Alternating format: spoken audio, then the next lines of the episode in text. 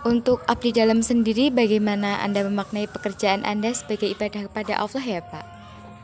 Untuk memaknai pekerjaan sebagai abdi dalam, abdi dalam itu adalah pengabdian, pengabdian eh, sebagai eh, bukan sebagai karyawan tapi abdi dalam itu cuma pengabdian. Jadi memaknai pekerjaan kami itu ya istilahnya pekerjaan yang diberikan atau diamanahkan kepada eh, junjungan kita.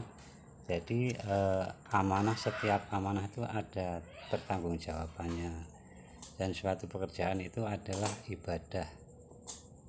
Untuk amanahnya sendiri, contohnya seperti apa ya Pak? amanah itu seperti contohnya eh, tanggung jawab kita sebagai abdi dalam itu eh, satu untuk menjaga eh, keistimewaan artinya keistimewaan itu sebuah kebudayaan di, di mana kebudayaan itu yang sudah eh, ditinggalkan oleh leluhur kita jadi biar tidak eh, luntur. hilang atau luntur budayanya Eh, untuk menjunjung tinggi kejujuran eh, di abdi dalam sendiri itu contohnya seperti apa ya? Se- setiap pekerjaan selalu ada kejujuran. Nah, itulah kejujuran suatu eh, tonggak apabila kita bekerja di mana pun bukan sebagai abdi dalam juga itu sebagai kejujuran. Kejujuran itu adalah tonggak suatu eh, pekerjaan yang diamanahkan oleh kita itu kejujuran.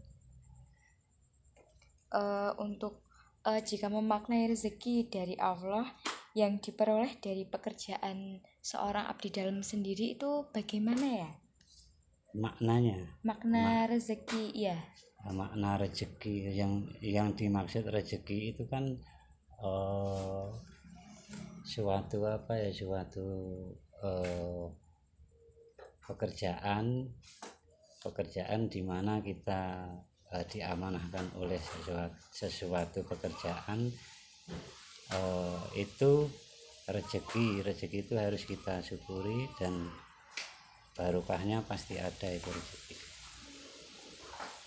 Eh, untuk makna dari keluarga sendiri sebagai abdi dalam kan pasti eh, mempunyai makna tersendiri eh, untuk keluarga itu bagaimana ya Pak? kalau makna untuk keluarga dari pekerjaan kita sebagai abdi dalam ya biasa aja seperti eh, maknanya itu eh, kalau orang Jawa bilang itu kalau mak- maknanya itu greget sengkuh orang mingkuh jadi yang namanya greget itu semangat Nggih. orang mingkuh itu eh, tidak apa ya tidak eh leta-leti artinya kalau bahasa Jawanya leta-leti mingkuh itu eh, tidak menghilangkan tanggung jawab.